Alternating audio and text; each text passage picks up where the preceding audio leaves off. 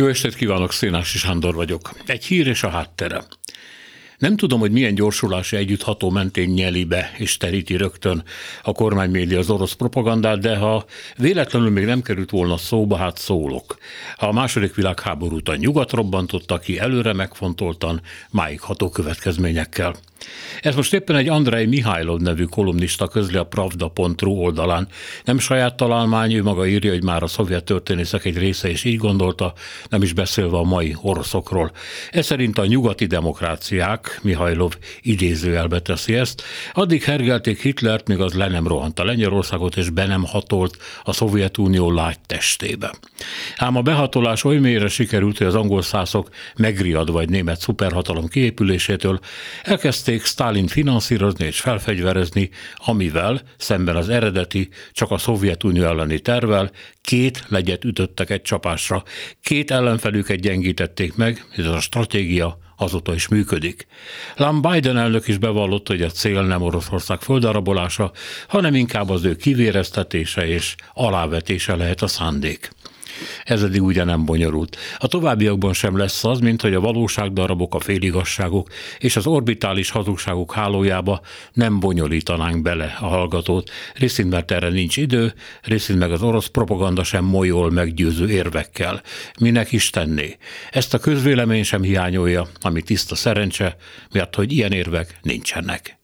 Adott viszont egy érzelmi állapot, amiben az orosz társadalom századok óta lebeg és fő, mondhatni a saját levében, az orosz áldozatiság keserű kotyvalékában.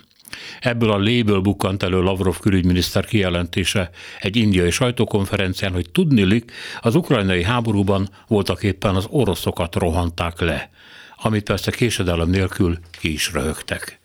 Pedig Lavrov csak félig hazudott, félig, amennyiben az oroszok jelentős része hitte, hiszi és hinni is fogja, hogy a hazája soha nem támadott meg senkit, viszont folyamatosan célpontja, áldozata, bűnbakja a nyugati ármánykodásnak, nagyhatalmi ambícióinak, amik persze Oroszország anyácskának soha nem voltak. Ő csupán szülői gondoskodással öleli magához már a 17. század óta az ukránokat, belaruszokat, grúzokat, csecseneket és jakutokat, észteket és finneket és lengyeleket főleg, független attól, hogy az ölelésnek nevezett folytófogásról az érintetek inkább lemondtak volna. Innentől pedig, írta már Puskin is, minden családi ügy, belügy. Az is, ha a lengyelek írtása, deportálása folyik, az is, ha a baltiaké. Ja, ez utóbbit Puskin nem így írta meg. Ezt az áldozati szerepjátékot lovagolja meg a Kreml propagandája elég érdekes következtetéssel. Ez szerint az orosz hadvezetés és általában a társadalom nem tanulta meg a második világháború üzenetét a nyugat szándékairól, amelyek most még fokozottabban érvényesek. Nem értik meg, hogy az akkor még szövetséges angolszászok most olyan blogba tömörültek, amelynek nincs szüksége az orosz erőforrásokra, mint hogy területeik és erőforrásaik nagysága másfélszerese az oroszokénak.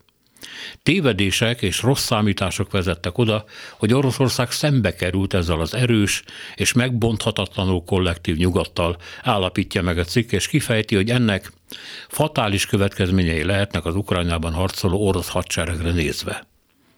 Na fene! A nyugat ugyan továbbra is egy pöcegödör, de az elszabott ukrajnai háború okán Oroszország most saját maga tette áldozattá magát. Ezt akarja mondani sok-sok zavaros kanyar után Mihajlov kolumnista. Azt, hogy hazájának először önön tévedéseivel kellene szembenéznie, ahelyett, hogy elfogadja a Tyutchev nevű költőjének azt a sorát, hogy Oroszországban hinni kell, vagyis nem gondolkodni, nem elszámolni a múlttal, nem mítoszokba menekülni. Házért ennyire ne szaladjon el velünk a ló. Putyin oly okos, oly tanulékony. A cár majd csak kitalál valamit.